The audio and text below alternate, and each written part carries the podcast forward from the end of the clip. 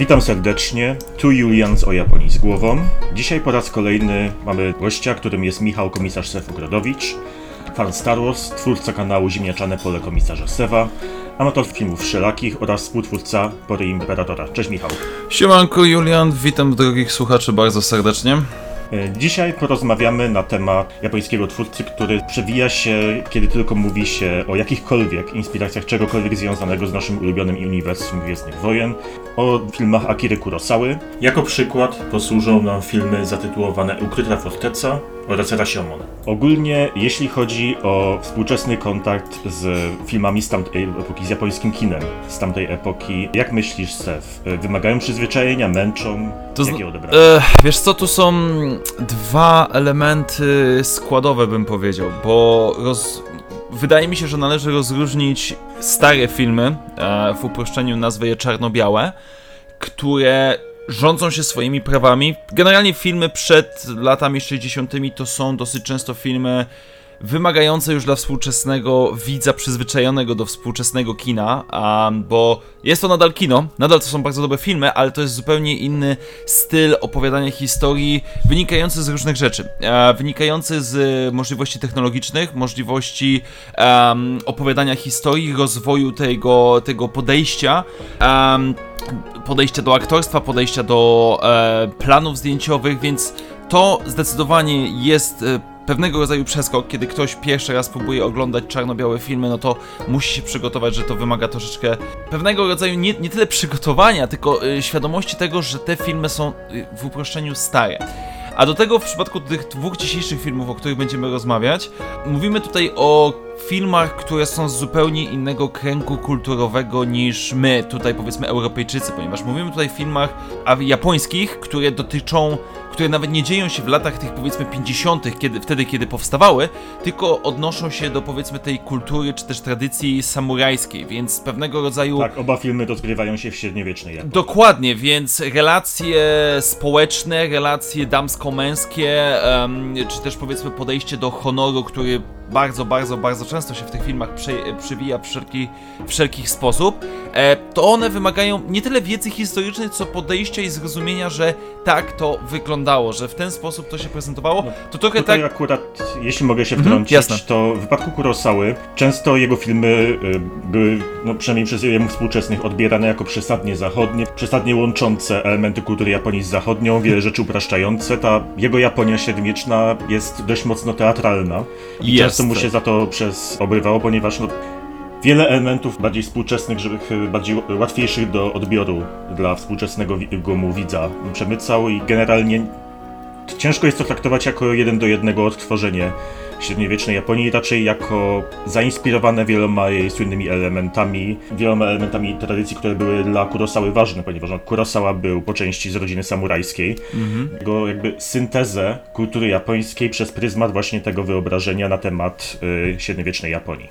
Ale to znaczy, jakby ja, ja, ja rozumiem jak najbardziej. Chodzi mi po prostu o to, że ta teatralność, która jest taka bardzo charakterystyczna, to częste krzyczenie aktorów do siebie nawzajem i a, e, maniakalny śmiech, który w tych dwóch filmach pojawia się absurdalnie często. Legendarny śmiech Toshiro Mifune może się przyśnić po nocy. Dokładnie, chociaż nie tylko jego, ale znaczy jakby jest to coś, na co trzeba brać uwagę. No i coś, co mi się rzuciło w oczy, te filmy są wolniejsze. Generalnie rzecz ujmując, kiedy my, to jest jakby taka cecha charakteryst- charakterystyczna tych, ale nie tylko filmów, współczesny widz, bo ja też już troszeczkę byłem momentami nie tyle znudzony, co miałem takie poczucie, że można byłoby to nieco przyspieszyć, że mamy tą teatralność, mamy tą um, takie podejście powiedzmy bardziej budowania napięcia, w momentami takie podchodzące wręcz pod takie nie tyle świadome, co jednak takie parodiowanie. Jakby to są filmy dosyć charakterystyczne i specyficzne i, i nie można na nie patrzeć tylko i wyłącznie z perspektywy dzisiejszej. Trzeba mieć cały czas z tyłu głowy to, że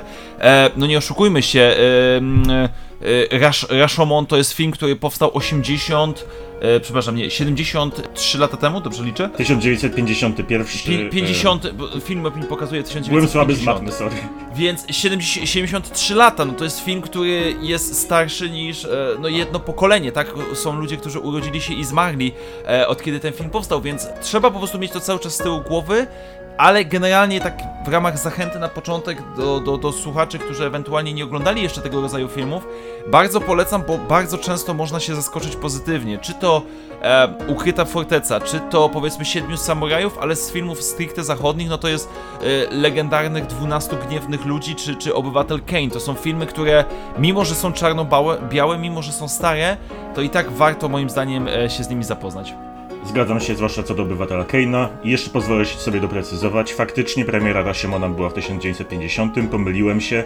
W 1951 jako pierwszy japoński film otrzymał zachodnią nagrodę Tak na jest. festiwalu w Wenecji. E, mój błąd. Jeśli chodzi o właśnie to, o czym mówiłeś, o tę przystępność dla współczesnego widza, to zaczniemy od filmu, który uważany jest za najlepszego Kurosawa dla początkujących, Ukrytą Fortecę, czyli to już wielu zauważało wtedy, przeniesienie wielu tropów i stylu narracyjnego amerykańskiego westernu na grunt średniowiecznej Japonii. Ogólnie, jakie masz wrażenia z tego filmu, tak?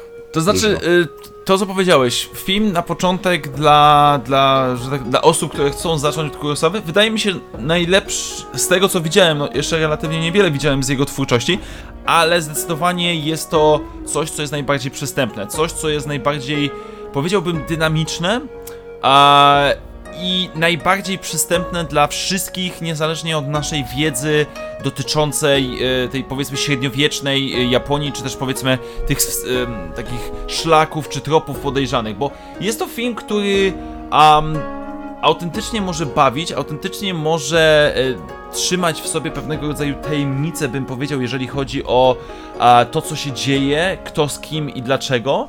E, jest zabawny, jest poważny, jest. E, ma sceny, no może nie batalistyczne, ale sceny powiedzmy pościgów, jeżeli tak to można określić, i sceny pojedynków.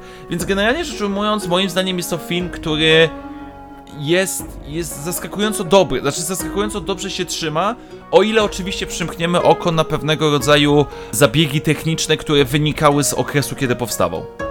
Jednocześnie trzeba pamiętać, że to jest kino przygodowe. Pamiętam, czytałem kiedyś, że często po premierze wytykano, że na tle Rashomona czy innych wcześniejszych, e, ambitniejszych produkcji reżysera jest no, płytszy, ale no, nie ma wątpliwości, że to jest bardzo kompetentnie zrealizowane, dopracowane, no chyba w większości szczegółów e, kino przygodowe, które potem miało olbrzymi wpływ na kształt całego gatunku, nie tylko w Japonii. To znaczy, ja bym powiedział, że to jest film, e, tak porównując te dwa filmy, powiedzmy, o, o których dzisiaj mówimy, ten jest bardziej przygodowy. On, mimo że jest dłuższy, to jest e, bardziej przystępny, bardziej taki powiedzmy mniej, zdecydowanie, zdecydowanie mniej poważny i, i taki powiedzmy tajemniczy. Tutaj powiedz, bo ma, mamy tutaj powiedzmy bohaterów takich niemalże z dzisiejszej perspektywy klasycznych, bohaterów, których, których możemy rozpoznawać na dzisiaj, na dzień dobry, relacje między nimi, więc jest to zdecydowanie film, który a, dobrze się zestarzał i zdecydowanie warto się z nim zapoznać. Ale jednocześnie jakby te relacje między bohaterami potem są widoczne w całej masie innych produkcji. Widać, że wielu twórców późniejszych się inspirowało relacją między generałem Makabe a dwójką wieśniaków. No i ogólnie, jeśli chodzi o osoby, które się inspirowały, to przede wszystkim przejdziemy do naszego ulubionego twórcy, do George'a Lucasa. Czasem mówi się, że Nowa Nadzieja była remake'iem Ukrytej Fortecy w kosmosie. Ja uważam, że to jest no, bardzo duże uproszczenie, żeby nie powiedzieć zupełna przesada.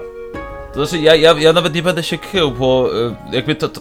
Jest to troszeczkę problematyczne, bo jakby e, przygotowując się do tego podcastu, e, e, Julian tutaj wysłał mi jakby powiedzmy plan, i ja, ja patrzyłem trochę na tą ukrytą fortecę pod kątem tych Gwiezdnych Wojen. I owszem, jest tutaj dużo elementów podobnych, inspirowanych, które dosyć szybko pokazują nam podobieństwo do, do Nowej Nadziei, jakby przede wszystkim do Nowej Nadziei. E, ale absolutnie bym nie powiedział, że to jest remake. Absolutnie nie powiedziałbym, że to jest przeniesienie na przykład tak jak powiedzmy Siedmiu Samurajów zostało przeniesionych na e, Siedmiu Wspaniałych e, w Stanach Zjednoczonych. To jest po prostu tak, to jest branie poszczególnych relacji, poszczególnych pomysłów i przenoszenie ich do tego świata gwiezdnowojennego, więc do, do, do osób, które zdecydują się obejrzeć, nie traktujcie tego, że to będzie jeden do jednego, tylko w innym settingu, powiedzmy. Nie, nie, absolutnie nie. To jest inspirowanie się. Choć czytałem kiedyś, nie dotarłem do e, tego tekstu nigdy, ale czytałem, że w dostępnym gdzieś w internecie pierwotnym scenariuszu Nowej Nadziei tych podobieństw jest dużo więcej. Miałeś z tym do czynienia może? Wiesz co, e, jedyna jakby taka, taka mm, podejście e, do tego alternatywnego scenariusza, czy też wstępnych scenariusza Nowej Nadziei, to jest, em, kiedyś wyszedł komiks, który był bazowany na takich właśnie wstępnych wersjach do Nowej Nadziei, gdzie na przykład Han Solo był zielonym, obcym kosmitą, em, nie pamiętam, gdzie Obi-Wan odgrywał nieco większą tą rolę, ale nigdy jakoś tak bardzo się w to nie, nie zgłębiałem, e, jeżeli chodzi o to, ale w samym tym filmie rzeczywiście są relacje, czy są są pojedyncze, nawet powiedziałbym, sceny, które są bardzo przeniesione jeden, prawie jeden do jednego do naszego filmu, czy nawet dialogi poszczególne. E, no nie mówię o tutaj takich tropach jak powiedzmy księżniczka, no bo akurat księżniczka to jest na tyle uniwersalna rzecz, że ona może być wszędzie przeniesiona, ale jest, je, są to inspiracje i tak mimo wszystko moim zdaniem. No, duża część scen, które rozgrywają się na Tatooine pod względem jakby operowania kadrami, pod względem dynamiki, bardzo przypomina to, co prezentuje nam Kurosawa w tej fortecy. Znaczy, ja bym jeszcze, jedna z takich głównych rzeczy, która mi się rzuciła w oczy, to jest tak zwane przejścia slajdów w PowerPoincie, czyli tak jak w Gwiezdnych O, Wojnach. właśnie. Tak, że mamy w Gwiezdnych Wojnach te przejścia, które są tam, nie wiem, ekran, y, scena się przesuwa w prawo i wchodzi nowa, albo jakieś kółko, albo coś w tym stylu. A takie i właśnie one żywcem pochodzące, można powiedzieć, z PowerPointa. Um, I one tutaj też są, też są jak najbardziej obecne. Natomiast oczywiście y, główna, główna rzecz, która budzi nasze podobieństwo, to jest pierwsza scena, czy, czy pierwsze sceny otwierające między naszą dwójką wieśniaków, e, którzy się kłócą i momentalnie, no ciężko nie mieć skojarzenia z C-3PO i R2-D2, e, gdzie... Scena i tego, jak się rozdzielają, to jest dosłownie. Tak. Tak. ma taści w kosmosie. Dokładnie, bo tam jest nawet ten sam dialog na zasadzie idź i zobaczymy jak długo wytrzymasz beze mnie i to jest praktycznie jeden do jednego prze, przeniesione i później, później to podobieństwo troszeczkę się zmienia, bo oni w pewnym momencie przestają, oni po pierwsze w tym filmie nie są pozytywnymi bohaterami przez zdecydowaną większość czasu, jak i również w pewnym momencie oni trochę przemieniają się bardziej w tego powiedziałbym Hanna Solo, czyli najemnika czy osobę, która stara się za wszelką cenę wykorzystać sytuację, żeby zarobić, ale jest tego, jest to jak najbardziej chyba taki najbardziej charakterystyczny em, fragment bym powiedział. Też mi się rzuciło w oczy, że tak naprawdę to wbrew temu, co można przeczytać, to nie są po prostu średniowieczne wersje Artu i C-3PO, tylko pewne elementy zostały przeniesione na relacje między droidami, pewne pomysły na Hanna Solo. Zresztą, a propos tego, co mówiłeś, zaczynamy od złych ludzi, to oryginalny tytuł tego filmu to Kakeshi Toride no San Akunin, czyli Trzech Złych Ludzi z Ukrytej Fortecy. Jeśli chodzi o inspiracje około Gwiezdnowojenne, to wiadomo, mamy nową nadzieję, mamy generała Makabe, który powiedzmy pełni tutaj rolę takiego, no, jako człowiek jest gorszy, Obi-Wana. mamy księżniczkę Yuki, która jest silną kobiecą postacią. W latach 50. kto by pomyślał. Zaradność jest no, widoczna potem w tym, jak jest kreowana księżniczka Leia. A, jeszcze jedna rzecz. Mamy ceremonię pod koniec, która też Tak. troszeczkę przypomina ceremonię wręczenia medali No i mamy, wieśniakom. można powiedzieć, pewnego rodzaju nawiązanie do sytuacji księżniczki Lei, bo e, w Gwiezdnych Wojnach jej rodzinna planeta zostaje zniszczona, a tutaj jest ona ostatnią przedstawicielką swojego klanu, bo jej klan został e, zniszczony w czasie wojny, więc to też, też można powiedzieć, że to jest pewnego rodzaju, e, pewnego rodzaju podobieństwo. No i na tym nie koniec, bo poza e, nową nadzieją, wyraźne, moim zdaniem bardzo wyraźne inspiracje różnymi elementami ukrytej fortecy są w Rocznym Widmie. Okej, to Mrocznego Widma nie, nie jakoś nie, wy- nie wyciągnąłem, więc jeżeli możesz, to, to aż jestem ciekaw. Jeśli chodzi o relację między Obi-Wanem i Qui-Gonem a Jar Jarem Binksem, to momentami ona naprawdę przypomina to, jak generał Macabre reagował na dwóch przygłupich wieśniaków. No, może nie jest to jeden do jednego, ale ta inspiracja jest dość wyraźna. Zwłaszcza, że już jakiś czas temu, chyba na, na tym poprzednim podcaście, który u Ciebie na kanale nagrywaliśmy razem, wspominałem, że moim zdaniem ten bardziej pozytywny odbiór Jara jako postaci w japońskim fandomie wynika z tego, że sceny z jego udziałem w Rocznym Widmie przypominają nieco to, jak przedstawiane są relacje między właśnie tymi niezdarnymi, przygłupimi postaciami, a tymi mądrzejszymi, na przykład w tradycyjnej y, sztuce komediowej Manzai, gdzie jest ten Boke, którego doprowadza do porządku Tsukomi, czyli ta poważniejsza osoba. I tutaj widziałem troszeczkę podobieństw, to jest jedno. A drugie, y, sam wątek tego, że mamy królowa księżniczka, która ucieka z ogarniętego wojną kraju przed śmiercią. No tak, tak. Zamienia się na miejsce z, ze swoją służką, która idzie za nią na śmierć. A, e, tak, rzeczywiście. T- e, tylko, że mi się to skojarzyło bardziej z atakiem klonów i otwierającą sceną, gdzie służka ginie, robi to, co ma zrobić, czyli ma być e, jakby decoyem. Ale tak, rzeczywiście, to, to jak najbardziej jest. No właśnie, wątek służki, która zginęła i wątek tego, że zrobiła to, co ma zrobić, jest bardzo wyraźnie pożyczony, ale sa samo to, że ona wyrusza w podróż razem z bohaterami, udając swoją służkę i ukrywając swoją tożsamość, moim zdaniem jest dość wyraźną inspiracją. Tak samo to, że w czasie drogi bohaterowie y, trafiają do miasteczka takiego, no, szemranego powiedzmy. I tam spotykają niewolnika, tutaj w ukrytej fortecy niewolnicę, która zaprzyjaźnia się z księżniczką Tak i doprowadzają do uwolnienia. Tak, to, to jest najbardziej widoczne. Ja, ja powiem szczerze, że. Znaczy to już jest takie troszeczkę y, lekkie, y, lekki dowcip z mojej strony, bo jak zobaczyłem, em, jak mamy scenę w połowie filmu mniej więcej, kiedy nasi bohaterowie zostają odkryci przez e, strażników, przez patrol, nasz generał zabija tam jednego czy dwóch żołnierzy, no i dwóch pozostałych zaczyna uciekać, więc on przejmuje konia i zaczyna za nimi gonić, więc to jest sekwencja dla mnie bardzo podobna do tego, co mamy w powrocie Jedi, czyli cała akcja ze ściganiem się na speederach, ale Faktycznie. również, ale również tak nawiązując do Nowej Nadziei, mamy scenę, gdzie nasz generał wjeżdża do środka, samego środka obozu e, wroga, co jeden do jednego prawie przypomina mi Hanna Solo wbiegającego do sali pełnej szturmowców w Nowej Nadziei. Oczywiście w Nowej Nadziei Han Solo się wycofuje natychmiast, tutaj dochodzi nas, do, nam do e, honorowego pojedynku, więc... Mm, więc to jest trochę, trochę co innego, ale znaczy, oczywiście my tutaj trochę, wydaje mi się, nadinterpretujemy, czy, czy doszukujemy się takich powiązań, które absolutnie nie były e, zamierzone, bo jestem święcie przekonany, że to nie jest tak, że George Lucas powiedział, że w epizodzie szóstym musimy mieć pościg na speederach, bo takie coś było w Ukrytej Fortecy. E, ale... E, Ale on sam nie ukrywał, że jest wielkim fanem tego filmu i sam się przyznawa do licznych inspiracji. Oczywiście, jasne, tylko jakby tutaj jakby, żeby to dobrze z naszej strony wybrzmiało, jakby te porównania do Nowej Nadziei będą najbardziej trafione e, i tak jak mówisz, sam George Lucas o tym mówił, natomiast e, to jest bardziej, bym powiedział, łączy się z tym, jak ten film e, mógł, mógł być inspiracją dla wszelkiego rodzaju tropów właśnie kina przygodowego, nowej przygody, czy też filmów akcji dzisiejszych, no bo od czegoś trzeba było zacząć. Nie oszukujmy się, kino bardzo, e, dosyć rzadko pokazuje nam nowe rzeczy, jeżeli chodzi o rozwiązania fabularne i wiele elementów to są rzeczy, które my mamy od dawien, dawien dawna, no a lata 40., 50.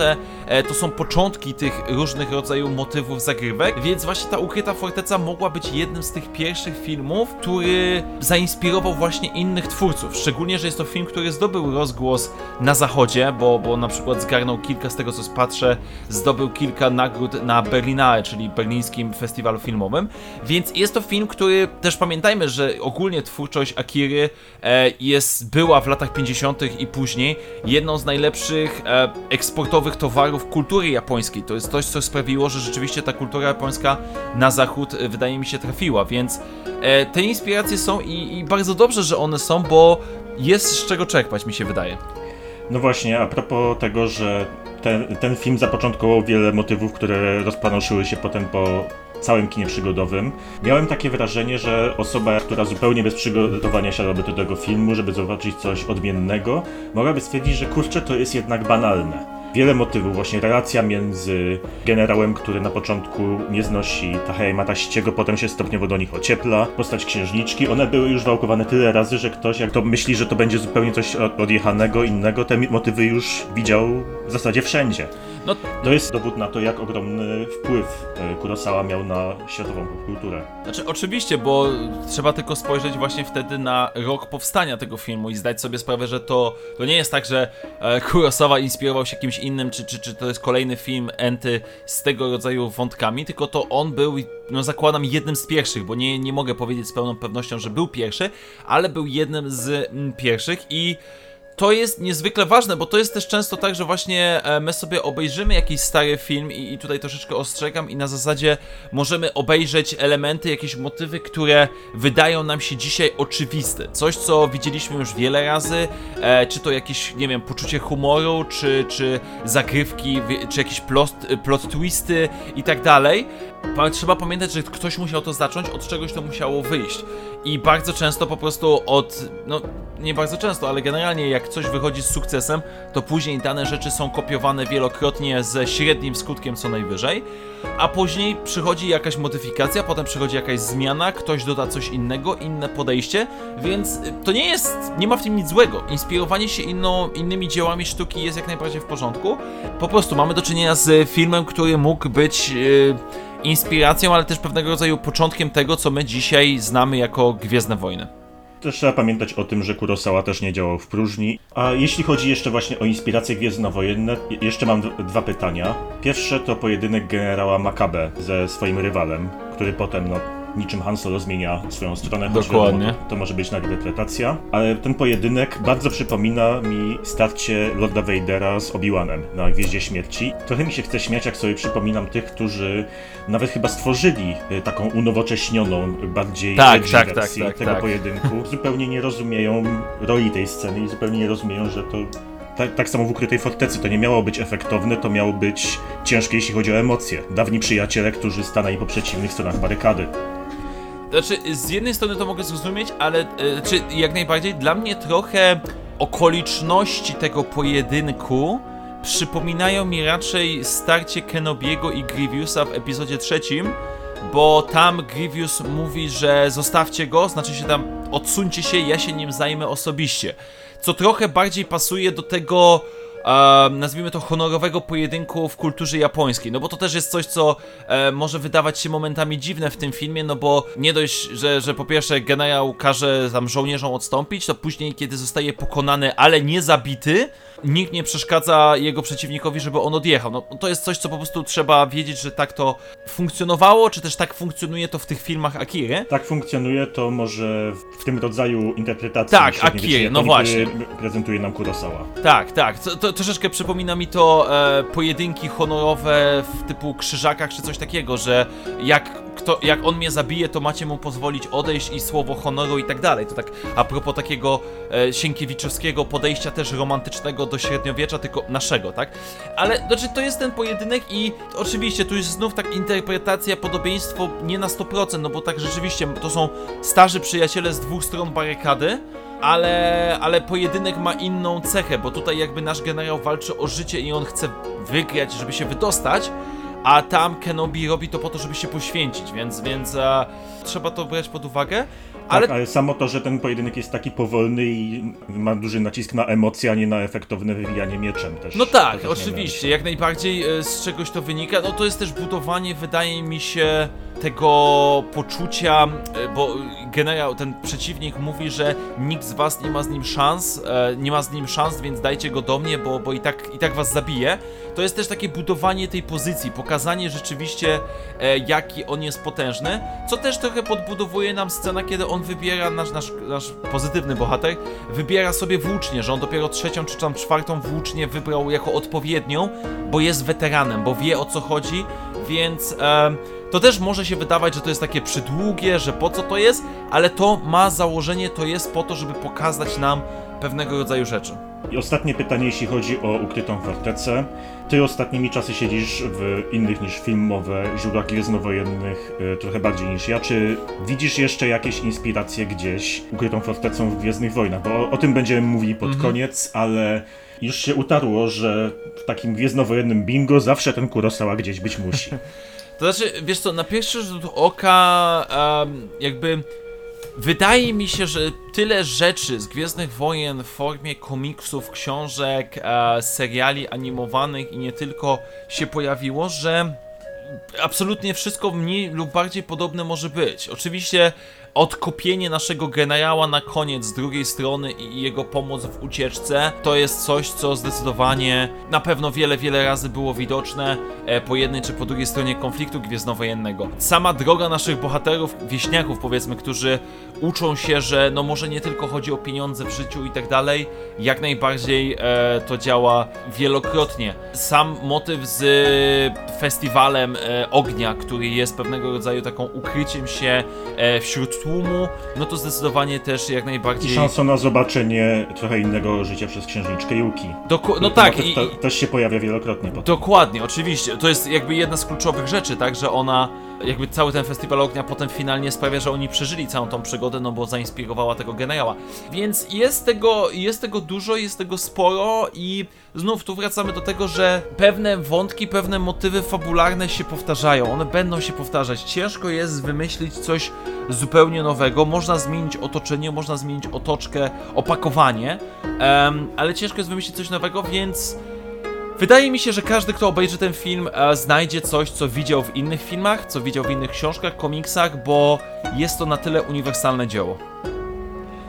Okej. To teraz może przejdziemy do kolejnego obrazu, na jaki się dzisiaj mówiliśmy, czyli do Rasiomona. Historii trzech ludzi, e, którzy pod tytułową bramą w Kyoto siedzą i wspominają niedawne tragiczne wydarzenia. Ponownie zaczniemy tak luźno. Jakie miałeś wrażenia z tego filmu?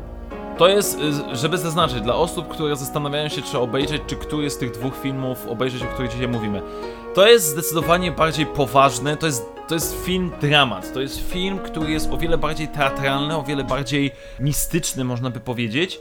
Film, który jest ciężki, bym powiedział. On może nas wymęczyć, może nas wynudzić nawet, bo jest to tytuł, który powiedziałbym prowadzi rozważania na temat ludzkiej natury, ludzkiego podejścia, relacji międzyludzkich.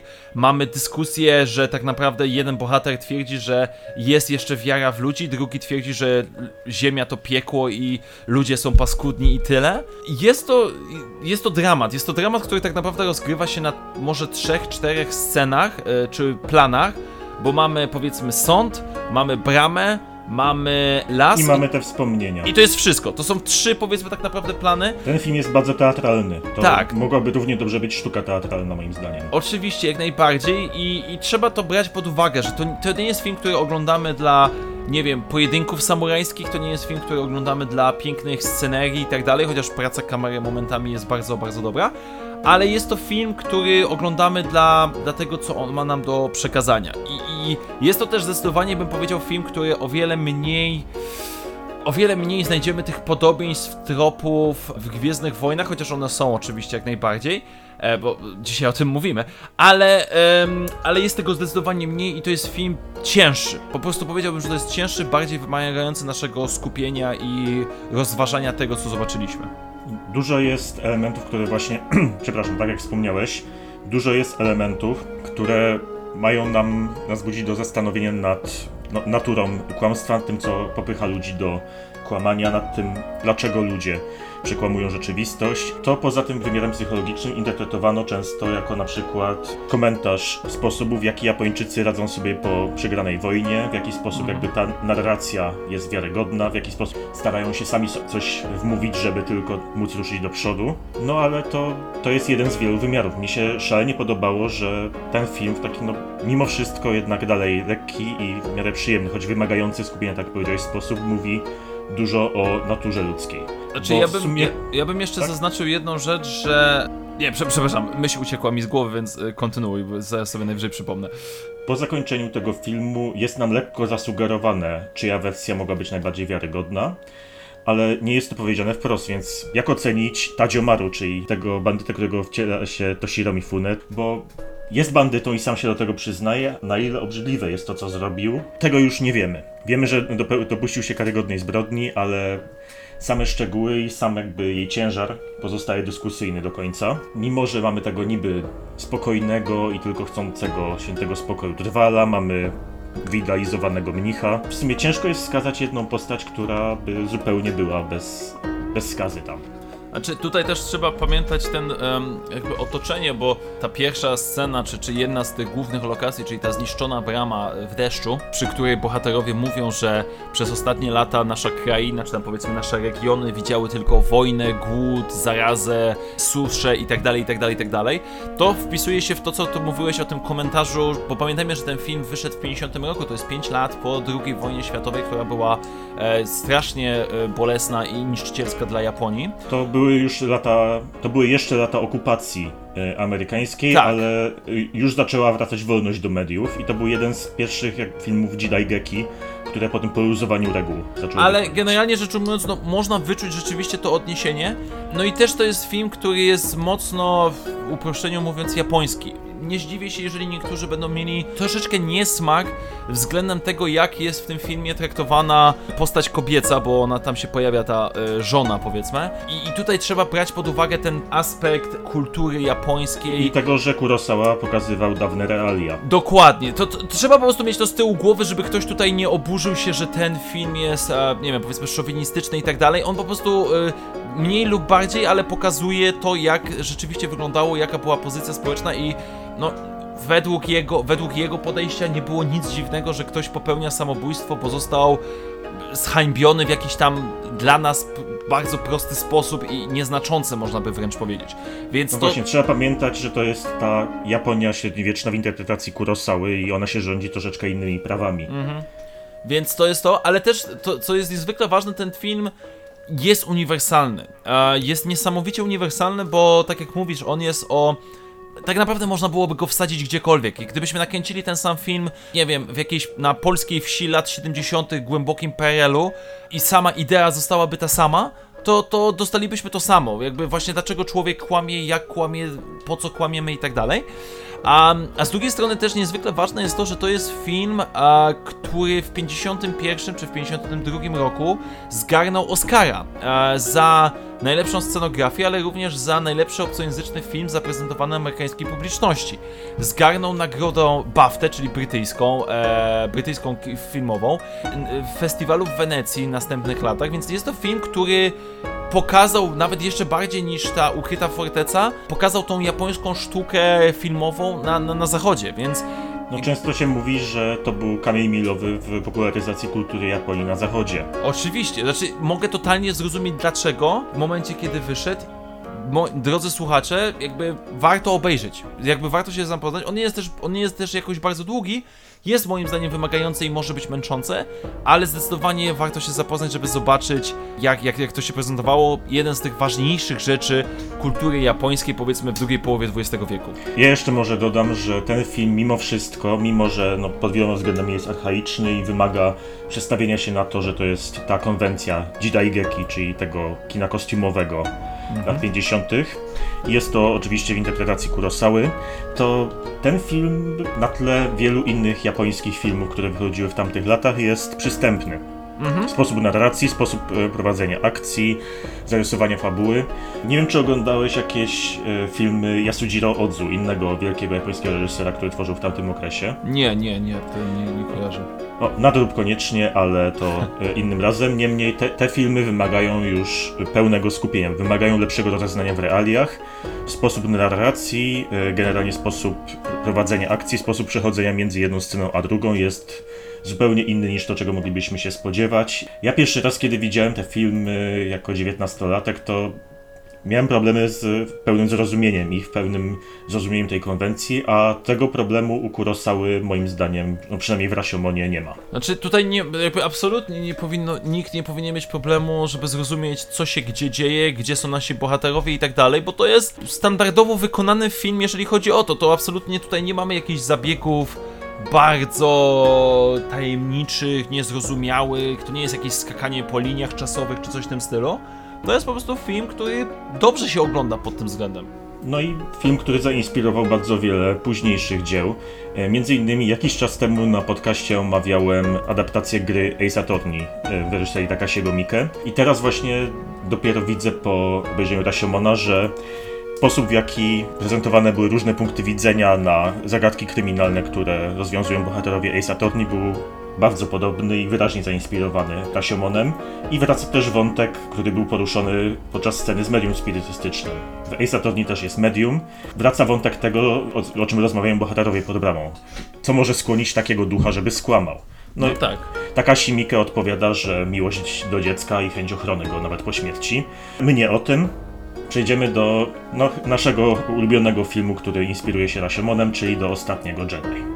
I tutaj jest jedna rzecz, która e, pokazuje nam, e, jak bardzo filmy mogą się inspirować, ale nie przenosić się w całości. Znaczy się, tutaj mamy film, e, Rashomon to jest film, który trwa prawie półtora godziny, który mm, pokazuje nam to, że jest historia opowiedziana przez kilka osób z różnej perspektywy, no i te perspektywy się różnią, no i co jest prawdziwą prawdą. W The Last Jedi, w Ostatnim Jedi, ten wątek to jest łącznie kilka minut na ekranie.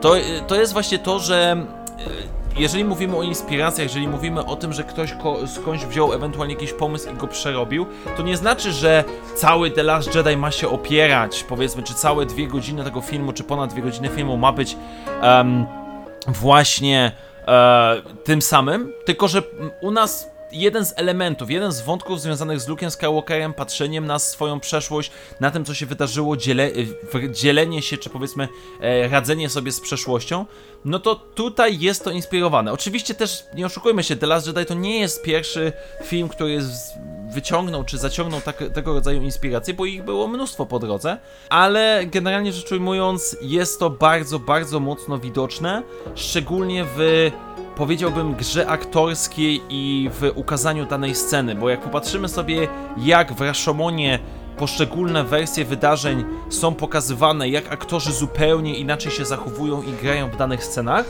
Um, a jak wygląda to w ostatnim Jedi, gdzie też ci bohaterowie wyglądają zupełnie inaczej, no to rzeczy, szczególnie Luke Skywalker, no to rzeczywiście widzimy to podobieństwo. Moim zdaniem bardzo widać też to podobieństwo w, samym stylu, w jaki Johnson nam prezentuje te retrospekcje.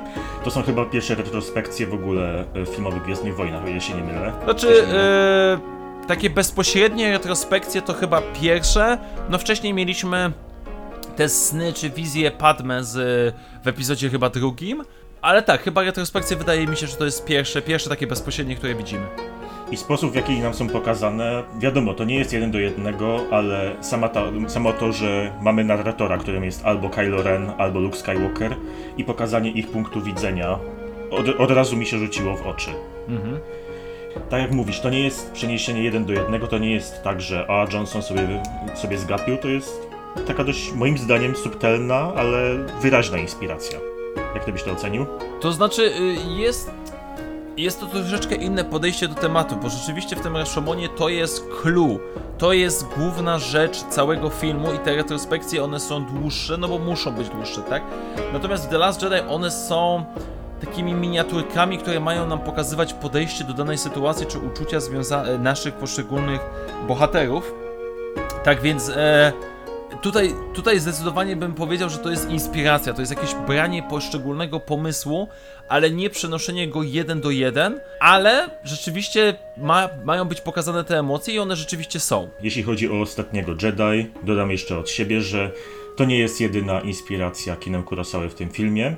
Atak śmigaczy i jakby scena powiedzmy ich szarży na maszyny najwyższego porządku pod względem kolorystycznym jest inspirowany jednym z późniejszych filmów Kurosawy, czyli filmem Run z 1985. Tam również mamy właśnie tych kontrastujących czerwonych jeźdźców, którzy ruszają na wojska przeciwnika. Jest to jedna z bardzo wielu inspiracji Kurosałą w świecie Gwiezdnych Wojen. Mieliśmy ich całą masę. Siedmiu samurajów w Gwiezdnych Wojnach chyba już nie zliczymy ilu było, prawda? To się przewijało co. Nie, to jest, to jest, e, znaczy, to nawet nie, e, powiedziałbym nawet nie tylko w Gwiezdnych Wojnach, to jest chyba jeden z, e, głównie ze względu na film Siedmiu Wspaniałych, bo bardzo łatwo jest być święcie przekonanym, że to Siedmiu Wspaniałych jest tym pierwszym punktem wyjścia, tak, że oni nie są inspirowani, ale to samych, Jezu, samych chyba Clone Warsach było z dwa razy, w komiksach to już po prostu też kilka razy się pojawiło, bo to też jest bardzo, wiesz, kuszący wątek, no bo to jest kilku tych sprawiedliwych przeciwko masie złych, więc y, i ci sprawiedliwi bronią niewinnych cywilów, więc to zawsze jest takie kuszące, zawsze to pasuje, jeżeli mamy jakieś wątki, nazwijmy to do dobra, walki dobra ze złem. Ten wątek się faktycznie przewijał w wielu miejscach, a w Gwiezdnych Wojnach był w Mando, tak wspomniałeś, w wielu A no, komiksach, to, to znaczy w Mando to już mieliśmy, rzeczywiście Mando, zapomniałem, że, tylko że Mando to już było przeniesienie niemal jeden do jednego, to już naprawdę, znaczy pomijając liczbę bohaterów, ale to, że miejscowi się zaczynają uczyć i tak dalej, no to to już po prostu a, jest, jest, jest, jest niesamowicie mocne. No ale to jeśli chodzi o Mandalorianina, to też nie jest jedyne nawiązanie do Kurosawy. Odcinek, w którym debiutuje Asoka, Mhm. ma wyraźnie, cała jego estetyka to jest nie tylko Kurosawa, ale ogólnie japońskie kino Jidaigeki. Ja bym powiedział, że ogólnie japońska kultura, bo całe to miasteczko wygląda tak bardzo właśnie mocno stylizowane. E, oba pojedynki, które mamy e, między Mando a tym jakimś tam najemnikiem oraz Asoki i, i tej pani tam gubernator, czy jak ona się nazywała, to wszystko. No to jest, to jest, y, naprawdę, to jest takie wrzucenie nam w twarz tym Kurosałą, tą japońskością i, więc, więc tutaj nie ma żadnego krycia się, że to jest jakoś lekko inspirowane, tylko to jest po prostu ciągnięte w całości. No i nie mówiąc o tym, że niektóre ujęcia, a także sam szkielet fabularny są pożyczone późniejszego względem Rashomona czy Ukrytej Fortecy filmu, czyli Yojimbo z 1961, po polsku jak to było chyba? Chyba Straż Przybrzeżna. też przyboczna. Przyboczna, przepraszam. I tam mamy faktycznie ponownie Toshiro Mifune w roli samuraja, który trafia do małego miasteczka terroryzowanego przez dwie zwalczające się bandy. Stara się poprowadzić sytuację tak, żeby one siebie nawzajem zwalczyły. No, Dosłownie. idealnie, Idealnie. to pasuje. idealnie mamy Asokę Tano w roli Toshiro Mifune. Inspiracji Kurosawa, tak? Znaczy, ja bym jeszcze dodał, to nie jest może Kurosawa, ale druga ważna rzecz eksportowa, jeżeli chodzi o kino japońskie, czyli Godzilla, która pojawiała się w Clone Warsach, czyli Bestia Zillo. Bestia e, Zillo była. Która, no, była troszeczkę Godzillą, trochę King Kongiem w pewnym momencie, e, ale no tych inspiracji jest mnóstwo. Jakby nie oszukujmy się, Clone Warsy bardzo często sięgały po był różne inspiracje. dla ogólnie dla Kaiju Eiga, dla Tak, dla całego tego podejścia, e, więc e, dla jest... amerykańskich Monster Movies i taka ciekawostka. Przed pierwszym odcinkiem z udziałem Bestii Zillo ukazała się grafika promocyjna, mocno wzorowana plakatem pierwszego Godzilli. No, o, oczywiście, bo jakby generalnie, kiedy oglądamy sobie te Clone Warsy, no to my dosyć często możemy znaleźć nawiązania do różnego rodzaju filmów, mniej lub bardziej klasycznych. E, ja cały czas jestem, e, z, znaczy cały czas śmieszy mnie to, że jeden z pierwszych odcinków The Clone Wars, tam chyba w pierwszym sezonie czy pod koniec, e, jest inspirowany szklaną pułapką, więc jakby e, absolutnie czasami mnie to męczy, ale czasami mnie to bawi, jakie inspiracje są, więc no i ciężko, żeby ten Kurosawa nie był, bo tak jak mówisz, ten jego duch mniej lub bardziej jest obecny tak naprawdę przez całe Gwiezdne Wojny. Ten Kurosawa stał się takim znakiem rozpoznawczym Gwiezdnych Wojen. Czy to właśnie, tak jak mówiliśmy, w prowadzeniu ujęć, czy to w niektórych wątkach, czy to jakby w samym przeniesieniu niektórych elementów. Rycerze Jedi biorą swoją nazwę od Jidaigeki, czyli określenia japońskiego kina samurajskiego. Mhm. Jak w ogóle myślisz, bo tak jak mówiliśmy, tego jest od groma. I to już stało się, no, tak jak zażartowałem wcześniej, takim elementem gwiezdnowojennego bingo. Czy jest Kurosawa? Jest.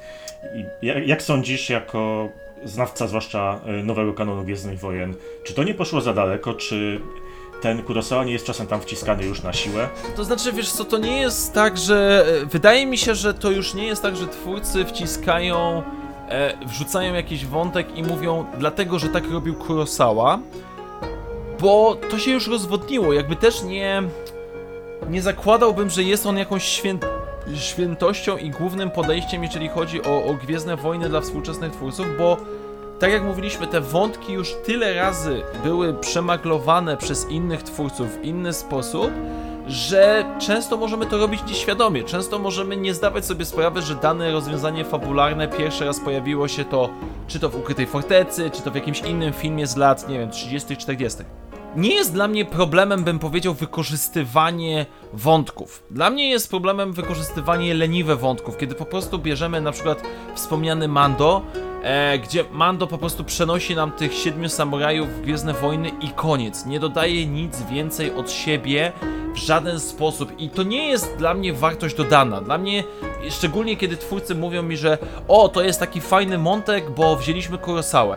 No dobrze, ale samo wzięcie po raz kolejny jakiegoś wątku rozwiązania nie jest plusem. W pewnym momencie nawet nie musi być minusem, tylko trzeba coś przerobić, trzeba coś zrobić inaczej, albo przynajmniej zrobić to tak ładnie, technicznie, że daje nam to radochę, bo to jest ten klucz. Jakby czerpanie źródeł inspiracji z innych, od innych twórców nie jest problemem.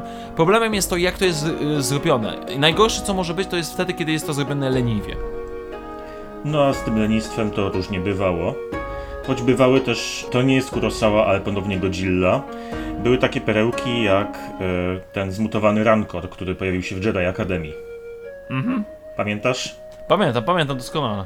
To była naprawdę fajna misja i te nawiązania do Godzilli były w miarę subtelne, ale można też no, zupełnie in your face, jak w tym odcinku Mandalorianina, który dzieje się w małej wiosce terroryzowanej przez y, imperialnych bandytów.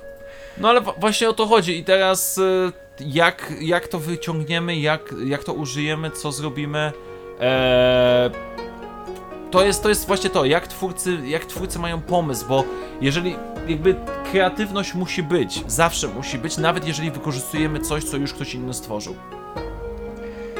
No i jeszcze dodam e, może na koniec, że mnie się zdaje, że mimo wszystko, mimo że jakość bywa różna, to te inspiracje Japonią w Gwiezdnych Wojnach są, zwłaszcza wśród zachodnich fanów, bardzo cenione, bardzo lubiane. I pamiętam, że kiedyś chyba na Perkonie, jak byłem na twojej prelekcji, to jeden z uczestników wspominał, że filmy Disneya niszczą dziedzictwo Gwiezdnych Wojen. Kiedyś były inspiracje do wielkiego kina, do Kurosawy, a teraz patrzcie, nic. Znaczy, Niestety, znaczy pytanie, ciężko co... się z nim zgodzić.